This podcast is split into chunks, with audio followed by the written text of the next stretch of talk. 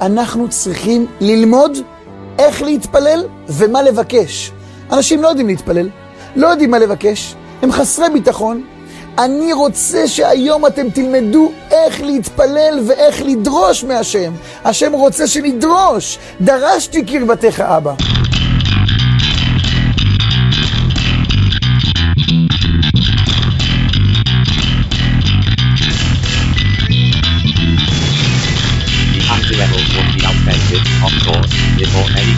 anyone started.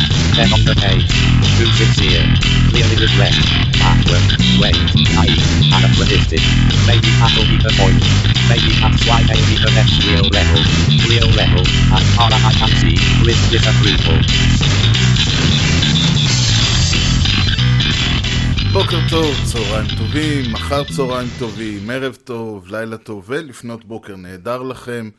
אתם מאזינים למשדר רשת, לי קוראים ארז, משדר רשת, פודקאסט בענייני השעה, שזה מה שמעניין אותי בשעה שבה אני מדבר. כמה דברים או משהו גדול ככה לדבר עליו, אבל לפני כן אני אה, מרגיש צורך אישי לציין את אה, לכתו בטרם עת. אני לא יודע, אומרים, אה, כשאתה אומר אה, נפטר, אומרים למה אתה לא אומר מת, כשאתה אומר מת, אומרים למה אתה לא אומר הלך לעולמו. הלך לעולמו, מת ונפטר אה, מרק הוליס. מרק הוליס, אה, אני, אני אין לי מושג אם מישהו מכיר אותו היום, אה, ה heyday שלו היה בשנות ה-80. מרק הוליס הוא הסולן, היוצר, הכותב, ה main man של הרכב שנקרא Talk Talk. שברשת ג' בטח קראו לזה דבר דבר, או דיבור דיבור. הוא אחד ה... לא יודע, תחנות תרבות האישיות שלי, ה... זה קצת אה, מחזיר אותי ל-2016, שהיה אז את כל ה...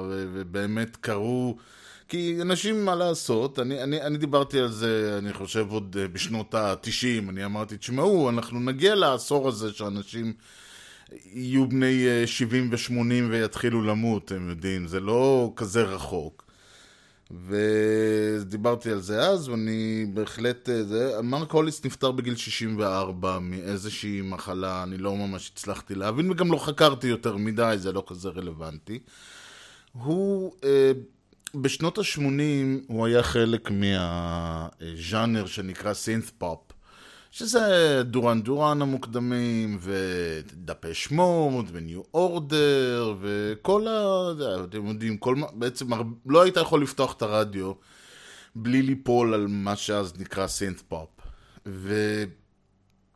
ומרק הוליס הצליח לקחת את ה synth pop הזה, והוא לא היה היחיד, כלומר, הרבה מה... front של, זאת אומרת, ברקע היה הרבה סינתסייזרים וקצת משהו כמו dance מוקדם, אבל ה front, איפשהו השירה או הנושאים היו, אם מישהו מכיר את Depeche Mode למשל וכאלה, זה היה הרבה פחות עליז ושמח ממה שניתן לחשוב. וכשמאזינים ליצירות של, של טוק טוק, החל מהאלבום הראשון וכלה ובוא נאמר ככה, באלבום השני והשלישי, אפשר לראות שבהחלט אה, היה שם הרבה ניסיון להעביר הרבה יותר רגש ממה שאפשר לחשוב כששומעים synth pop. באלבום השני של Talk אה, Talk, אה, It's My Life, זה האלבום הכי מפורסם שלהם, הלהיט הכי גדול שלהם וכל זה. אחריו, The Color of Spring, שהיה האלבום השלישי, עשה מה שהרבה אנשים, זה היה כבר 80 ו... חמש, שש, אני יודע. עשה מה שהרבה אנשים עשו אז, אה, שבאו מהעולם של ה synth pop, וזה די עזבו את הסינתסייזרים.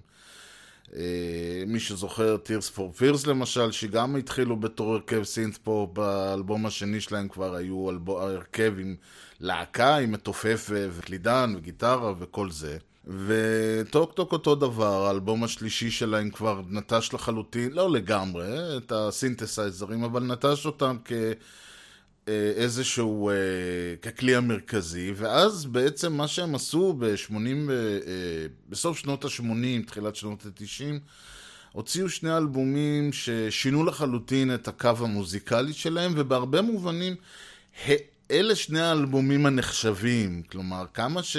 שלושת הראשונים הצליחו, עד כמה ש-It's My Life היה הלהיט הכי גדול שלהם, דווקא מה שהם עשו בסוף שנות ה-80, תחילת שנות ה-90, שני אלבומים שנקראו Spirit of Eden ו-Laughing Stock, ושם הם אה, עברו לעשות מוזיקה אחרת לגמרי, הרבה יותר, אה, קודם כל הסינתסייזרים נעלמו לחלוטין. אה, עבר, עברו ליצור מוזיקה עם הרבה יותר אה, גיטרות ויצירות ארוכות יותר, המקצבים הביטים נעלמו להם והדברים הפכו להיות, אתם יודעים, משירים של 3-4 דקות, פתאום נהיו לכם, לנו, כן, קטעים של 8 ו-9 דקות ו...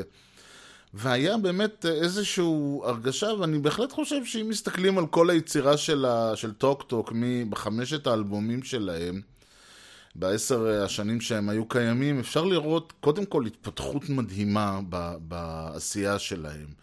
ניסיון, וזה לא תמיד דבר טוב, הרבה פעמים אני בא ואני אומר, תשמעו, אני מאוד אוהב את האלבום הראשון שלהם, אחרי זה אני לא מסוגל לשמוע אותם. כי יש תמיד הרגשה שהם כמו שיש את הקטע הזה שאומרים שבן אדם, הרכב, להקה, זמר, לא משנה, יש לו עשר שנים לכתוב את האלבום הראשון שלו וארבעה ו- חודשים לכתוב את האלבום השני.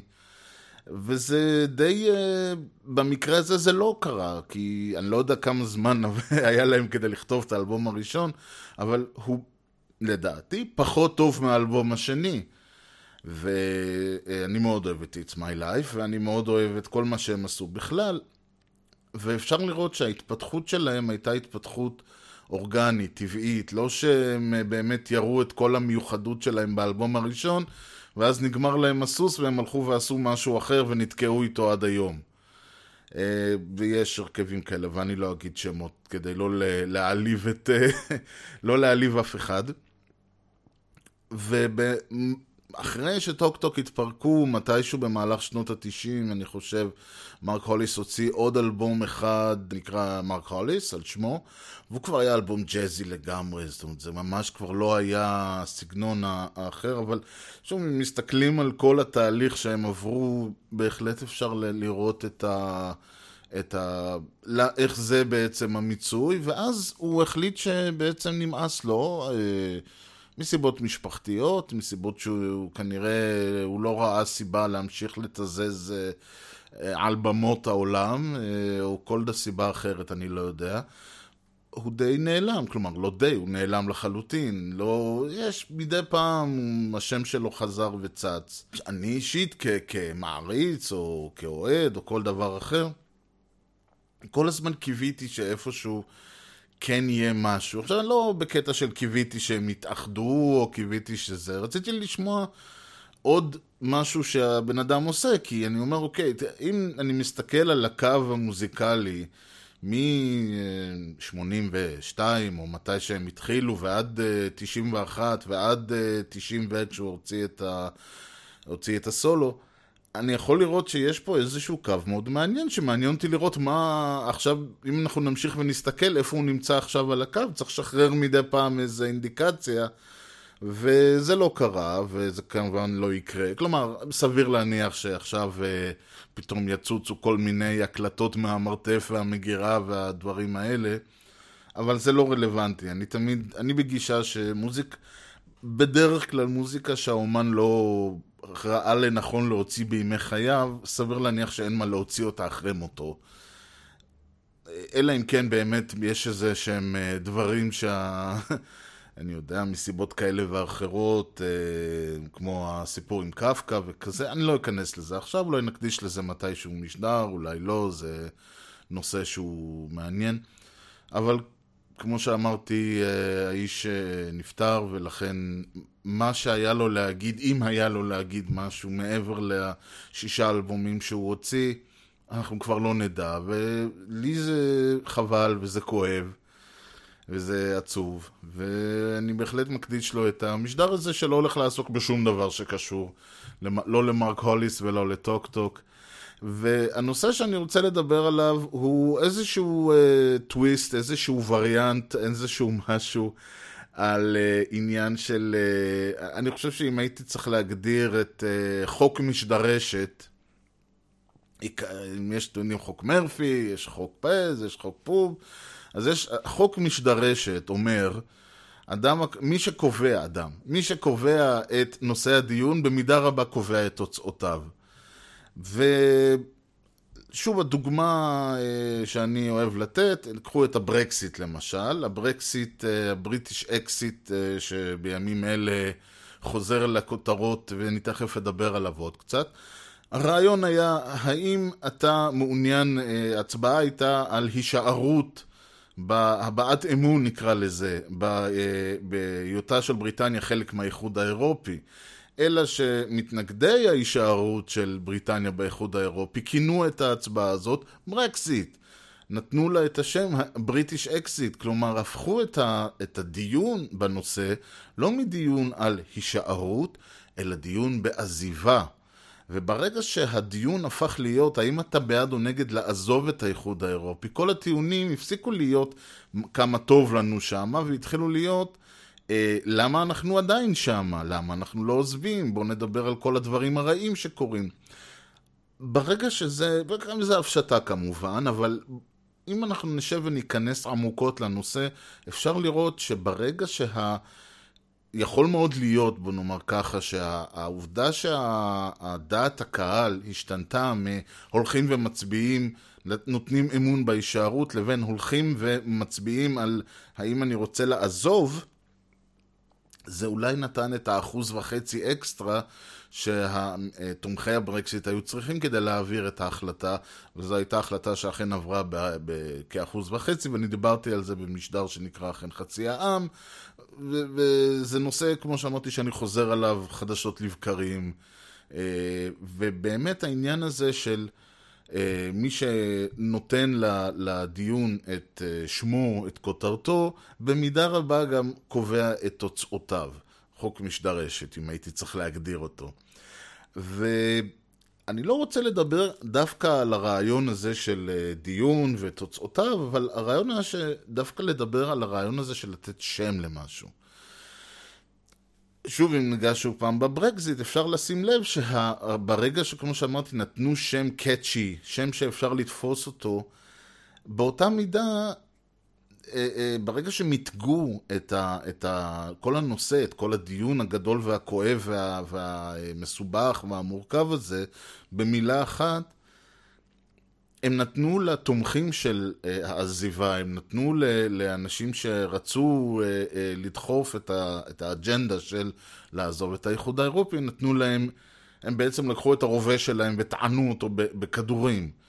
ברגע שיש למשהו שם, המשהו יכול לא להשתנות, המשהו יכול להיות אותו דבר שהוא היה קודם, אבל ברגע שאנחנו נותנים לו שם, אנחנו נותנים לו כותרת, אנחנו ממתגים אותו, זה הופך את, ה... את אותו נושא, את אותו עיקרון, את אותו משהו גדול ומורכב ומסועף ו... ונתון לפרשנויות, הופך אותו למשהו קליט, למשהו לעיס, למשהו שקל לנו להסתכל עליו, וברגע שזה קורה, כמו שאמרתי, טענו את הרובה שלנו בתחמושת, יש לנו עם מה לעבוד. אבל שאם אני עכשיו צריך להתחיל לבוא ולצורך העניין להסביר לה, הייתי צריך לבוא, כן, לא, אני, אה, אה, ד, אין לי דעה בנושא, מכיוון שאני עד, חשבתי וחושב עד היום, שאיך אה, אומרים, אלה צודקים ואלה צודקים. יש הרבה סיבות טובות לאנגלים, לבריטים, סליחה, יש הרבה סיבות טובות לא לעזוב את האיחוד האירופי, יש להם הרבה סיבות טובות לעזוב את האיחוד האירופי. ולהגיד שהסיבות הטובות לעזוב, יותר, יש יותר או פחות, אני לא חושב. מה שברור הוא שהאנשים שחשבו שיש סיבות טובות לעזוב, אה, אה, מספרם עלה על זה שרצה לא לעזוב בכאחוז וחצי, והתוצאה היא בהתאם. עכשיו קרה משהו הפוך.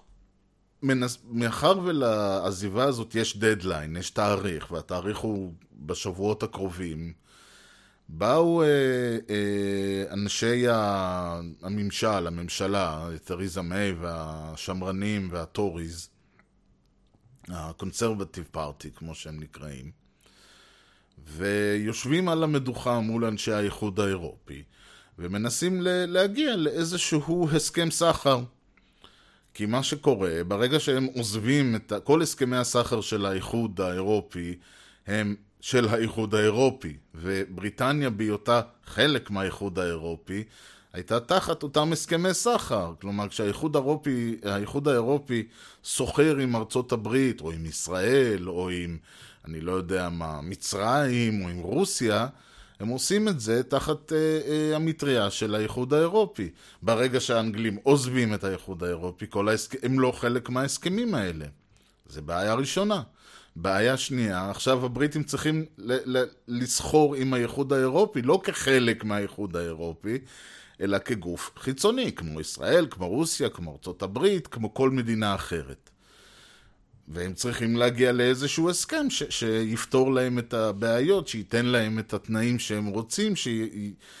אתם יודעים, סך הכל כל אחד אה, רוצה, בהסכם סחר אתה רוצה שלא יגבילו אותך, אתה רוצה שיהיה לך, אה, אה, אני יודע מה, יורידו את המכס והמיסים וכל מיני כאלה, אתה רוצה תנאים טובים, כמו כל אחד שרוצה, הולך לחנות ורוצה תנאים טובים כדי שהקנייה תהיה טובה. והם לא מצליחים להגיע לשום הסכם כזה. והם לא מצליחים, האיחוד האירופי, ככה מה שנקרא, לא מוותר.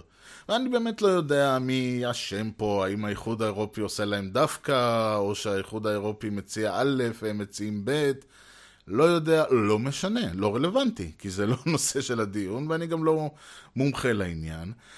אלא שברגע שהם לא מצליחים להגיע להסכם מיוחד, להסכם חדש, להסכם מסוים עם הזה, בעצם מה שהם אומרים, אוקיי, במידה והבריטניה לא תצליח להגיע לאיזשהו הסדר עם האיחוד האירופי, מה שיקרה זה שהחל מתאריך XY, אני לא יודע, משהו בשבועיים הקרובים או משהו כזה, יחולו על בריטניה הסכמי הסחר הבינלאומיים הדפולטיביים שכל העולם באשר הוא פועל לפיהם. אם והיה, ו, וזה אגב לא משהו שהוא שונה מאף מדינה אחרת, לפני כמה, כשנכנס טראמפ לבית הלבן, היה בדיוק, עלה אז הסכם שנקרא TPP, וממש לא זוכר מה זה אומר. אבל זה איזשהו הסכם שארצות הברית השיגה עם כל מיני גופים, כל מיני מדינות, טרנס פסיפיק משהו. אז בסדר, זה הסכם שהיא השיגה עם מדינות אחרות. והוא אמר, אתם רוצים לסחור עם ארצות הברית, אתם תצטרכו לעשות ככה וככה וככה, ולקבל כל מיני תנאים, ובתמורה אנחנו ניתן לכם דברים אחרים.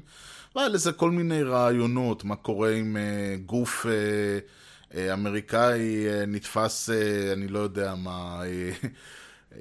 גונב או עושה דברים לא יפים, ואם אני לצורך העניין ארז מפר זכויות יוצרים אמריקאיות של איזשהו משהו, האם הדין שלהם חל עליי, וכל מיני דברים כאלה. וטראמפ הגיע, ומסיבותיו שלו, החליט שהוא זורק את ההסכם הזה לפח. אז מה, ארה"ב לא יכולה לסחור עם כל אותן מדינות שהיא סחרה קודם? יכולה. אלא שהיא עושה את זה מתוקף הסכמי הסחר הבינלאומיים. שזה משהו שכל המדינות בעולם, אה, בדיפולט, מה שנקרא, סוחרות על פיו, אחרת הן לא היו יכולות לסחור, זה אידיוטי. אז בשביל שכל המדינות יוכלו, אלא אם כן הן מחרימות אחת את השנייה, כן, אנחנו לא סוחרים עם איראן או עם אה, פקיסטן, רשמית בכל מקרה, וזה לא משנה באיזה דיל, אנחנו לא סוחרים איתם, הם לא חברים שלנו. אבל בשביל, אם היינו סוחרים איתם, היינו סוחרים איתם ולא היה לנו הסכם מיוחד, היינו עושים את זה על פי הסכמי הסחר הבינלאומיים. אותו דבר בריטניה, עם כל המדינות שהיא סחרה קודם מתוקף היותה חברה באיחוד, ואותו דבר עם האיחוד האירופי. היא הופכת לסחור עם בנושאים האלה, אלא אם כן יהיה להם דיל מיוחד וכו' וכו', וכרגע זה מה שיהיה.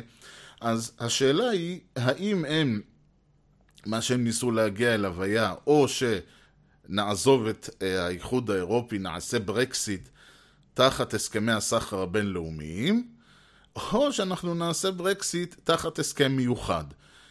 אלא שמתנגדי הברקסיט עלו פה על פטנט, הם אמרו בואו אנחנו נעשה לכם מה שאתם עשיתם לנו קודם, ועכשיו הם קוראים לזה no deal ברקסיט. עכשיו זה קטע מעניין, זה לא שהעזיבה שלהם את האיחוד האירופי תהיה תחת אפס הסכמי סחר. לא, יהיה הסכם סחר. אבל העובדה שלא מצליחים להגיע להסכם מיוחד, גורמת לאדם הפשוט לחשוב שברגע שהם יעזבו את האיחוד האירופי, יהיה no deal, ובעצם זה אומר שהם לא יכולים לסחור עם האיחוד האירופי או עם אף אחד אחר. ארצות בריטניה תהיה מוקצה, אף אחד לא ייגע בה. הייצוא והיבוא יעצרו, כל... אני לא יודע מה, אפוקליפסה עכשיו, no deal ברקסיט. במקום לבוא ולהגיד, יש דיל, כלומר, אין דרך כמובן להציג את זה אחרת, כי ברגע שה- no deal ברקסיט נתפס, אז זהו, המצב שעד אז, שהיה, בוא נאמר ככה, יהיה בסדר או יהיה יותר בסדר, פתאום הפך להיות, יהיה או שיהיה בסדר או שיהיה אסון טבע. אסון טבע כלכלי, מסחרי וכיוצא בזה. וזה החלק המעניין, עוד פעם, ברגע שאנחנו נותנים שם למשהו, ברגע שאנחנו נותנים אה, איזשהו כותרת, איזשהו מותג, אנחנו יכולים להפוך את כל, ה, אה, את כל הדבר הזה למשהו שהוא נתפס על ידי דעת הקהל או הדעה בכלל, ואנשים מתווכחים, באמת, אני, אני מוצא את עצמי מדבר עם אנשים ב, ב, ברחוב, ב, ברחוב, כן, אני תופס אנשים ברחוב, וזה, אתם יודעים, בעבודה, או בטוויטר, או בפייסבוק, או בכל מיני כזה, ואומרים לך, לא, מה, אסון, אני אומר להם, אבל מה ההבדל בין זה לבין... ישראל פועלת עם רוב העולם, עד כמה שאני יודע, בהסכמי סחר אה, רגילים, ובכל זאת אנחנו חיים יפה מאוד עם העניין הזה. מה, מה ההבדל? והרי מצד שני, גם כל הגבלי הסחר שהאיחוד שה, האירופי הטיל, שבעטיים הבריטים רצו לעזוב, היו כל מיני הגבלי סחר. על דייג ועל ייצוא ועל יבוא וכל מיני זה. כל ההגבלים האלה עפים החוצה. הסכמי הסחר הם די בסדר, הם יכולים להמשיך לעבוד עם כולה. זאת אומרת, אני לא אומר שזה יהיה חיים טובים, עוד פעם, יש סיבות לכאן ולכאן. אבל זאת לא תהיה אפוקליפסה עכשיו, שואה כלכלית, אה, ילדים ירעבו ללחם, אנגליה תהפוך למנודה מהעולם. אלא שברגע שמיתגנו את זה, הרבה יותר קל להציג את העובדה, לא צריך להסביר, לא צריך לדון, לא צריך לדבר, אפשר פשוט להצביע על, ה, על המותג ולהגיד הנה. עוד דוגמה, אה, אולי קצת, אה, איך נקרא לה, פיקנ, פיקנטית. לא יודע אם מישהו זוכר, הייתה פעם זמר, יש עדיין, סתם, אני בן אדם מגעיל, זמרת בשם מדונה. ומדונה, כשהתחילה, וזה היה בשנות ה-80, בכלל תמת שנות ה-80 מככבת היום במשדר, בנתה לעצמה תדמית מאוד פרובוקטיבית. וזה לא חדש, אה, הרבה, הרבה אנשים עושים, הרבה זמרים וזמרות עושים את זה עד היום, אה, חלקם בצורה בולטת יותר, חלקם בצורה בוטה פחות. וזה, דונה הלכה מאוד חזק על הקטע, על הקטע הזה, עם uh, השירים שנקראו Like a Virgin ו- וכל מיני כאלה, והלבוש וה- היה מאוד, איך אומרים, בתוך פרצוף שלך, וכל הדברים האלה היה בהחלט, אה, והיו כל מיני פרובוקציות גם אחרות, היה את העניין עם. שהיא שרפה צלבים, ו... אה, איזשהו קדוש באיזושהי כנסייה ועשתה איתו כל מיני דברים יפים, ואנשים נורא נחרדו, ו... קיצור פרובוקציות, ושוב, היא לא המציאה את זה, היא רק... אה, אני חושב שהיא קצת שדרגה את העניין. הפרובוקציות היו מאז ומתמיד. יש אומרים, אה, אתם יודעים, תמיד כשמנסים לחפש מאיפה זה מתחיל, אומרים, אה, זה מימי אה, אלוויס, ג'רי לי לואיס. אז אתה אומר, לא, היו עוד לפני. אוקיי, אז זה מימי, אה, זה תחילת המאה ה-20. לא, היו עוד לפני, היו גם במאה ה-18. נכון שהפרובוקציות של המאה ה-18 לא היו כמו הפרובוקציות של השנות ה-90 או שנות ה-2000.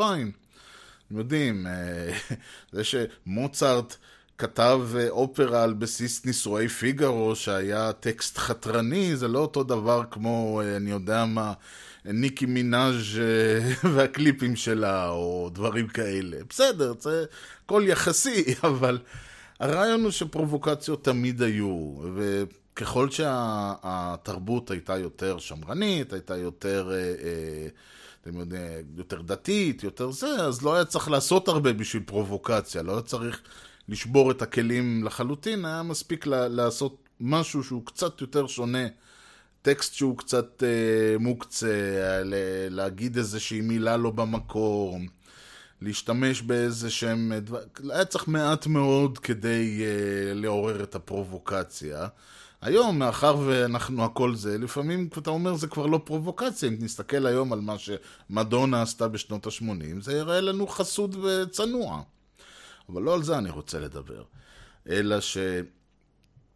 כאמור, היא עשתה פרובוקציות, וזה היה פרובוקציות לשם הפרובוקציות. עכשיו, יש בעיה עם, עם, עם הנושא הזה, וזה שאולי, שוב, היום אני לא יודע, נגיד אה, אה, מיילי סיירוס, אה, שעשתה, הייתה לה קריירה מאוד, עד גיל 18, שזה מה שנקרא, הפכה לחוקית בארצות הברית. הייתה לה קריירה מאוד חמודה, היא הייתה הנה מונטנה, ועשתה מוזיקת קאנטרי, פופ קאנטרי נחמד כזה, והייתה לה תדמית של ילדה טובה, ואז עברה את גיל 18, ובום, עפו הבגדים לכל כיוון, והתחילו הטוורקינג, והחזיות, והלשון בחוץ, שזה, אני לא יודע מי, מאיפה זה הגיע, אבל... איך אומרים, אין פרובוקציה שהיא לא חשבה עליה, ואז פתאום היא החליטה שזהו, ועכשיו, וצילומי עירום וכל הדברים האלה. ואז היא החליטה שנמאס לה והלכה אחורה, וחזרה ל- ל- להיות זמרת קאנטרי פתאום. אז אני לא יודע, יכול להיות שהיום זה אפשרי. אני, ואני מתנצל מראש, כאילו, אני יודע שאני בטח יש המון המון דוגמאות, אבל אני לא כזה בקיא בעולם הפופ, אני בערך מכיר את השמות הגדולים, כן? ו- וכמו שאתם שמים לב, גם חלק מהשמות האלה הם לא גדולים היום, הם גדולים היו אולי לפני 20 ו-30 שנה. אבל זה הרעיון. וזה לא, אגב, היא לא המציאה, שוב, היא לא המציאה את זה, לא מיילי סיירוס ולא אף אחד. היו המון זמרים וזמרות שעברו מפוזת, ה... מפוזת הילד טוב או הילדה הטובה, פתאום התחילו הבגדים לרדת והריקודים נהיו יותר עסיסיים. זה בסדר, ומדונה די מהרגע הראשון התחילה עם זה, זאת אומרת, ממש היה, אני חושב שההולידיי עוד היה בסדר, ואז הגיע לייקה ורג'ן, ומפה והלאה כבר לא הסתכלה אחורה. וכמו שאני אומר, הבעיה הגדולה עם הנושאים האלה, שבדרך כלל, ברגע שאתה שובר את התדמית, ברגע שאתה מתחיל עם הפרובוקציות, ברגע שאתה מתחיל עם, עם התדמית הזנותית הזאת, וסליחה על הביטוי, ופה אני כבר מתחיל לגעת קצת ב... בפרובוקציה האישית שלי אולי, בנוס... בקונטרוברסליות של הנושא, קצת קשה לחזור ממנו. אולי אפשר, אני לא אומר, היום אולי זה אפשרי, כי, כי כבר התרגלנו, אבל בזמנו, ברגע שאתה עושה משהו שגורם לאנשים להסתכל עליך בצורה מסוימת כפרובוקציה, מאוד קשה אה, לבוא ולהגיד, בכל, עכשיו אני, אה, אה, אבל עכשיו אני בן אדם רגיל, אני כבר לא, זה אומרים בסדר, אבל, ואגב, בדרך כלל זה לא אפשרי, ואתה רק צריך, ולהפך, אתה צריך להגביר כל הזמן את, הפרוב, את רמת הפרובוקציה. אני לא יודע, אולי ברגע שהפרובוקציה עובר, שוברת כל גבול, אני ומדונה עשתה, אלבום צילומי עירום וכל מיני כאלה, ואחרי זה, זה כבר לא משנה מה תעשי, כאילו, זה כבר לא ייראה פרובוקציה ליד מה שעשית. אני לא יודע. ואז נשאלת השאלה, בעצם, אה, מה, זה, מה התדמית שנוצרת לאותו אומן, לאותו זמר, זמרת, כשהם מבצעים, אה, כשהם בעצם יוצרים לעצמם את, את הפרסונה הפרובוקטיבית הזאת. וכבר אמרתי, זה יוצר לך תדמית קצת אה, זנותית, קצת אה, בחורה, איך אומרים, אה, מת... עושה דווקא פוזה של שרמוטה, שוב סליחה על הביטוי, ואני בכוונה אומר את הדברים הקיצוניים האלה, כי צריך להבין, זה אולי אה, אה, מוכר אלבומים, אבל זה לא עושה טוב לבן אדם. זה לא משנה אם בחיי האמיתיים היא אשת משפחה למופת, ואימא נהדרת וזה, זה, זה הפוזה שמכרת. זה הפוזה שאת uh, משווקת uh, לאנשים. את לא משווקת פוזה של uh, אדם uh, בעל ערכים, את משווקת פוזה של אדם נטול ערכים, נקרא לזה ככה. לא באה מדונה ואמרה זה לא נכון. מה שאני עושה זה פמיניזם. ופה היה מעניין, כי היא מתגה את הפרובוקציה שלה, היא מתגה את, ה, את ההשתרמטות, סליחה על הביטוי שלה, כפמיניזם. עכשיו, אני אמרתי, אוקיי, אני יודע בערך מה זה פמיניזם, אני לא... כל אחד כמובן עם, ה, יכול להגיד, אה, יש הרבה הגדרות. לא זכור לי שזה חלק מהעניין. אז היא אמרה לו, הרעיון הוא שאני בוחרת, אני בחרתי כאישה מודרנית, כאישה שיש לה את הזכות על גופה, אה, אני בחרתי להציג את, אה, את אותו גוף ב... ב עם בגדים, בלי בגדים, בפוזות, בלי פוזות, לעשות פרובוקציות, להציג תדמית. זה תדמית, לא תדמית זולה, זה תדמית שאני בחרתי לעשות, וזה מעיד על הפמיניזם שלי. אני אומר, אוקיי, בוא, בוא נעצור רגע. ובואו נתחיל עכשיו להסתכל אחורה וקדימה על עוד הרבה מאוד אה, זמרים וזמרות, ואיכשהו זה בדרך כלל, עכשיו, זה בעייתי, כי איפשהו עם אה, זמר מוריד חולצה, זה נתפס באמת כ- כסקסי ויפה. אם זמרת מורידה חולצה, זה אמרנו, זה נתפס כזנותי, וזה נתפס כפרובוקטיבי וכל העניין. אז אני לא אומר זמר זמרת, אבל אני בהחלט חושב, ו- ועוד פעם, יכול מאוד להיות שזו הייתה האג'נדה שלה, שהיא רצתה להראות אולי שיש פה איזה שהם דו-פרצופיות או דברים כאלה. יכול מאוד להיות. מה שאותי תפס בעניין הזה היה העובדה שהיא באה ואמרה, מה ש... כי, כי בעצם כשאתה אומר, ל... כשאומרנו פרובוקטיבי, כשהוא צריך, זמר, כן, או, או בכלל, כשהוא צריך ליצור פרובוקציות, כשהוא צריך ל... ל... להוריד בגדים, ושהוא צריך אה, ל... להצטלם בכל מיני פוזות, ולעשות כל מיני אה, קליפים עם אה, הרבה סוגסטיות, מה שנקרא. אני חושב, זה מה שנקרא, אני אומר, אוקיי, המוזיקה שלך לא מספיק טובה בשביל למכור את עצמה, אז אתה צריך לעשות את הדברים האלה, להביא את כל החלק הזה בשביל למכור אותה. זה כאילו מוזיל את הערך של המוזיקה שלך. באה מדונה ואומרת, לא, זה לא זול, זה לא מוזיל את הערך, אני... יש, הערך העצמי שלי כל כך גבוה, שאני בוחרת מתי, אה, איך אומרים, להתיר את הרסן ומתי לא. ואז אני מסתכל ואני אומר, אוקיי, עכשיו, בואו נשכח לרגע את, את ההצהרה הזאת. בואו ניקח, או ניקח מישהו שלא מכיר את ההצהרה הזאת. האם אותו אדם מסכים עם אדונה לצורך העניין? האם אותו... ושוב, אדם יכול להיות גבר, אישה, מבוגר, צעיר, זה, זה לא חשוב כרגע.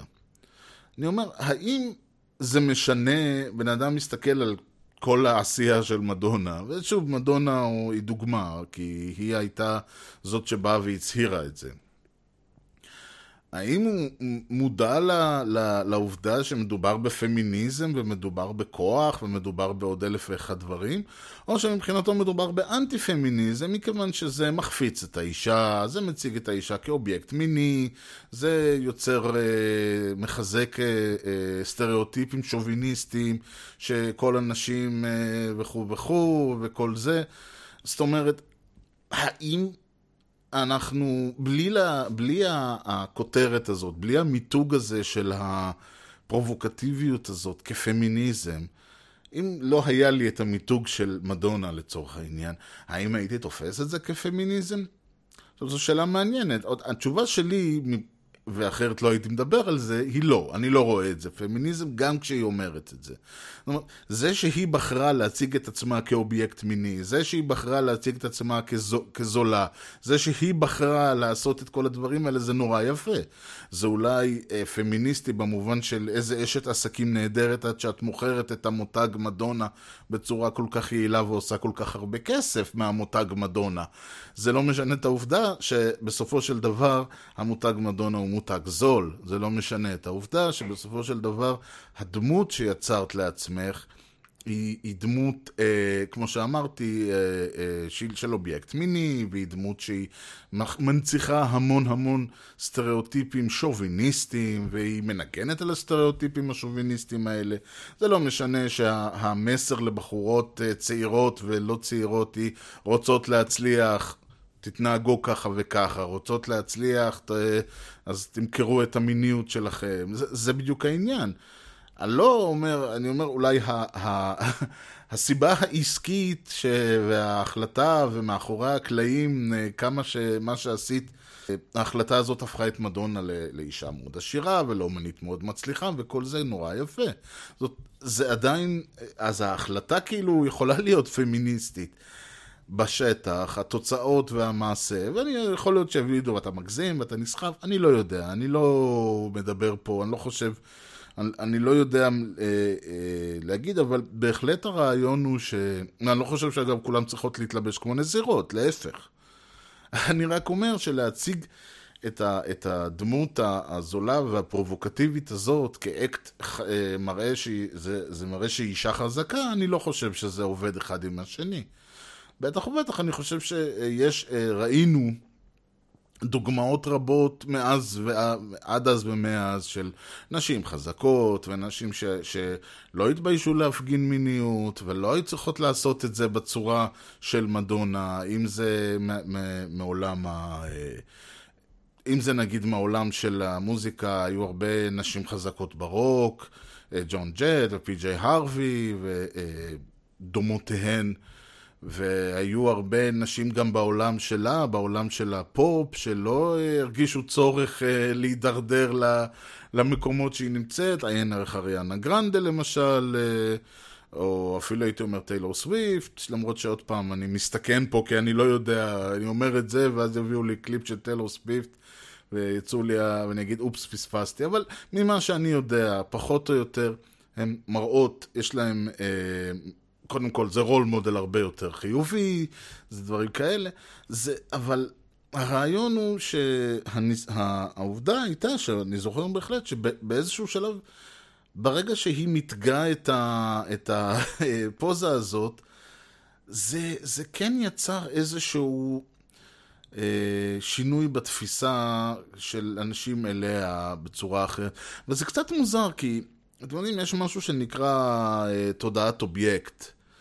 תודעת אובייקט אה, זה לא, אני לא, זה, זה במאמר מוסגר, כן? תודעת אובייקט אומר, זה הרעיון הזה שאני מציג ל, ל, לילד, אה, לא יודע מה, אה, קופסה או צעצוע או משהו כזה, ואז אני שם מסך ואני אומר לו האם הוא עדיין שמה. והרעיון הוא שילד שאין לו את תודעת האובייקט לא ידע שזה עדיין שמה. יגיד לו, זה נעלם. ואתה אומר, כן, אבל אנחנו כולנו יודעים שהוא עדיין שם, פשוט שם את המסך ביני, זה שאני לא רואה אותו לא אומר שהחפץ נעלם כי לא ראיתי אותך לוקח אותו. ובעצם הרעיון הוא שברגע שאנחנו ממתגים איזשהו אה, נושא, נותנים לו את הכותרת הזאת, יוצרים בעצם את, ה, את הפסאדה החדשה הזאת, שזה קצת כמו לשים את המסך או את ה... אה, לחצוץ ביני לבין האובייקט. הרעיון אומר, האובייקט לא השתנה עדיין. הדבר הזה, האידיאל, הרעיון, הקונספט, לא השתנה כהוא זה. זה שעכשיו, עד עכשיו קראת לו א' ומעכשיו אתה קורא לו ב'. זה, או, או שעד עכשיו לא היה לו שם ופתאום נתת לו שם, לא משנה את האובייקט עצמו. אגב, זה, זה אם למשל אה, היה לאחרונה אה, היציאה של, אה, בכלל, אני לא עוקב באופן אה, צמוד אחרי כל הסתבכויותיו של אה, ראש ממשלתנו בעוונותינו הרבים בנימין נתניהו. אבל היה בזמנו סיפור שהוא כאילו אמר איך זה שוחד ולא היה כסף. והוא ניסה לעשות כל מיני דחקאות באינסטגרם, ששוחד בלי כסף זה כמו, אני יודע מה, מוצאי שבת, ערב שישי בלי קידוש, או משהו מופרך שכזה. וזה בדיוק העניין. ברגע שאתה אומר זה לא שוחד, זאת מתנה. זה, זה לא הטבה לצורך אה, משהו, זאת מתנה. הוא החליט לצ'פר אותי. אתם יודעים, אני אה, הולך לחבר שלי, אה, אליו הביתה, מה, הוא לא יציע לי קפה? מה, הוא לא יציע, הוא לא נשב והוא, אני יודע מה, הוא יצ... ועם הקפה הוא לא יציע לי עוגה? אז מה, הוא שיחד אותי? עכשיו בגלל ששתיתי אצלו קפה ועוגה אני מרגיש חייב?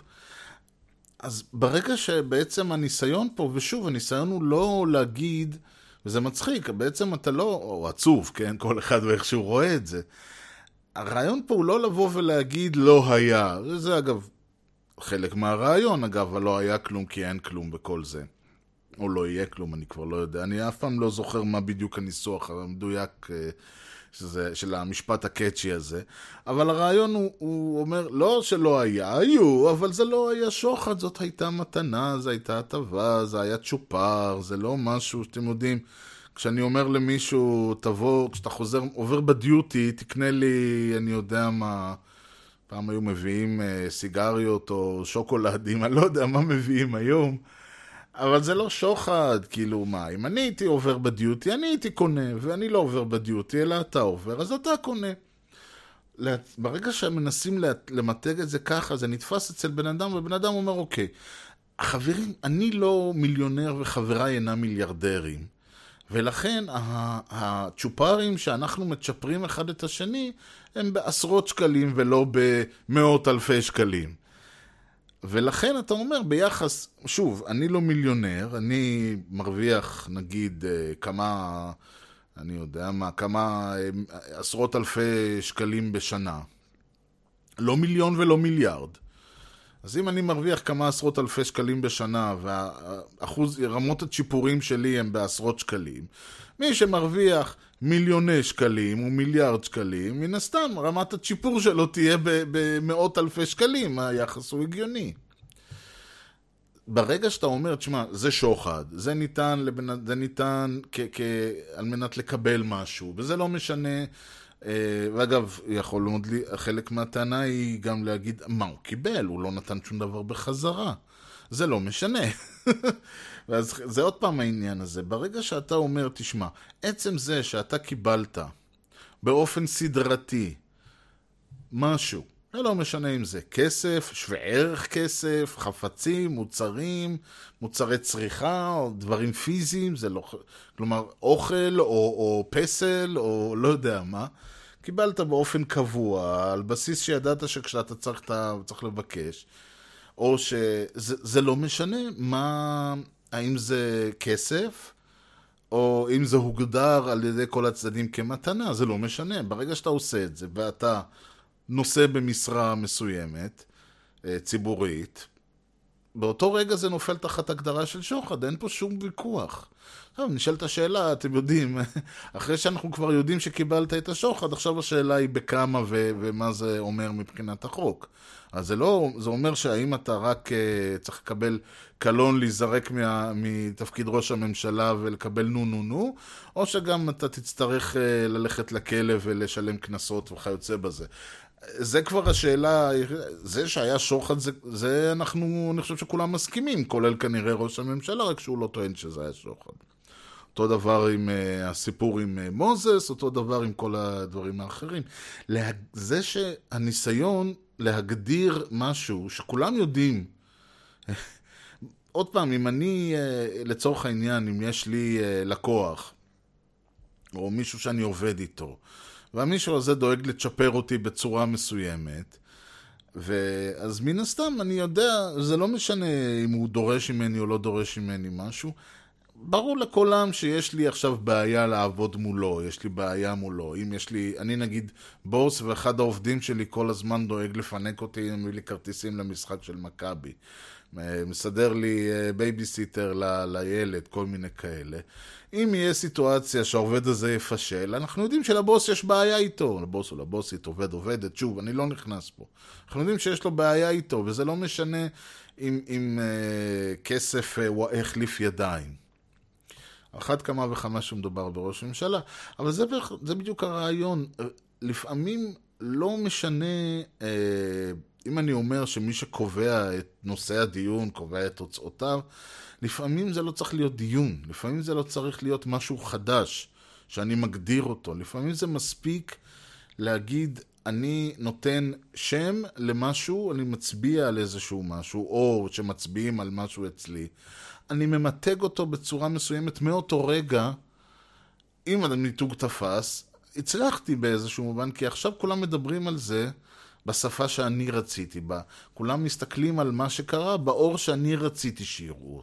ו- ולכן אני אומר, צריך להסתכל גם על המילים שאנחנו משתמשים בהם. הרעיון, אותו חוק משדרשת, בעצם אה, אמר, אה, אוקיי, שים לב ל- ל- לדיונים שאתה הולך אליהם, אה, מי קבע את נושאם.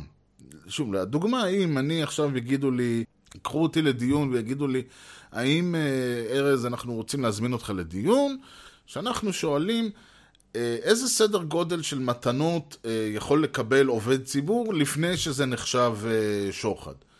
אז, או האם לפני שזה, יש עם זה בעיה, נקרא לזה.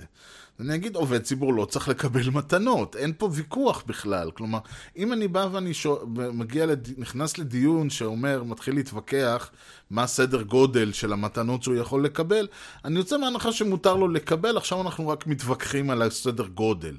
אני בא ואומר, לא, אני מסרב להשתתף בדיון הזה, מאחר והפרמיס שלו, הנושא שלו, פסול מעיניי.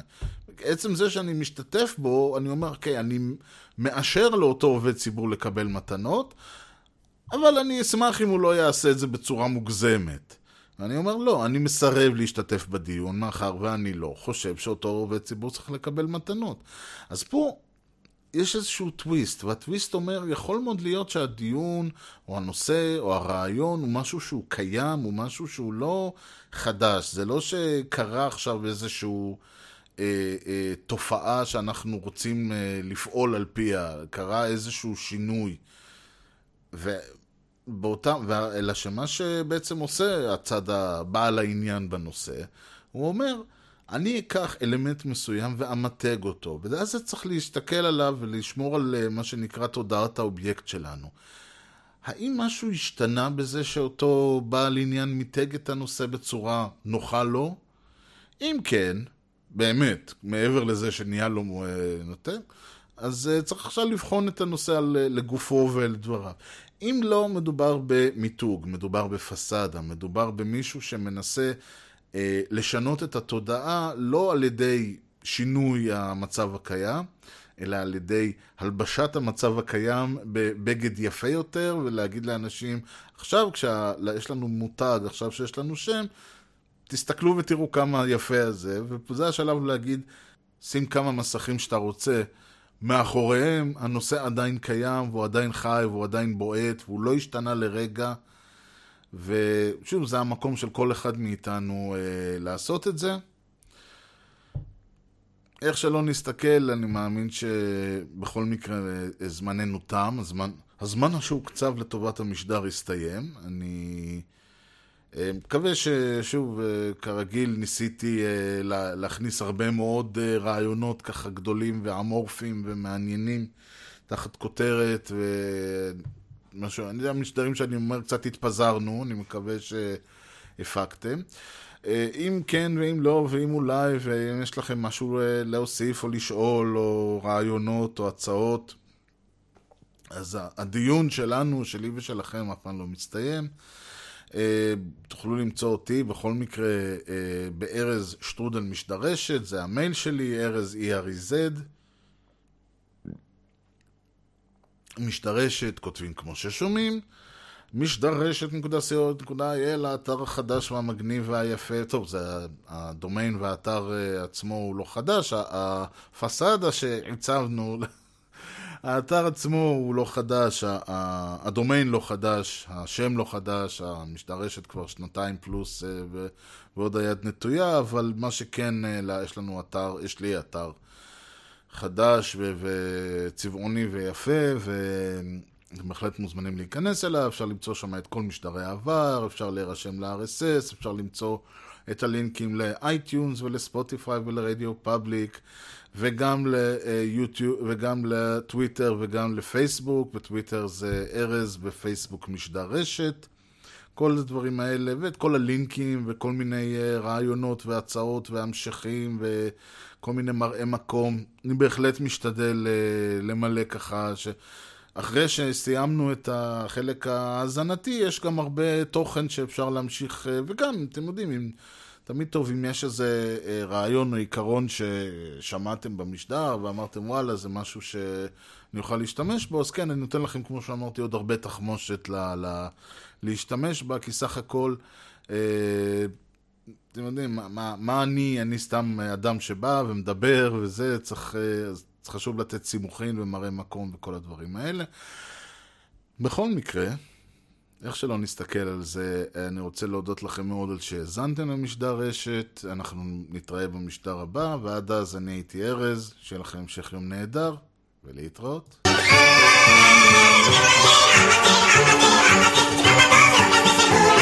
Thank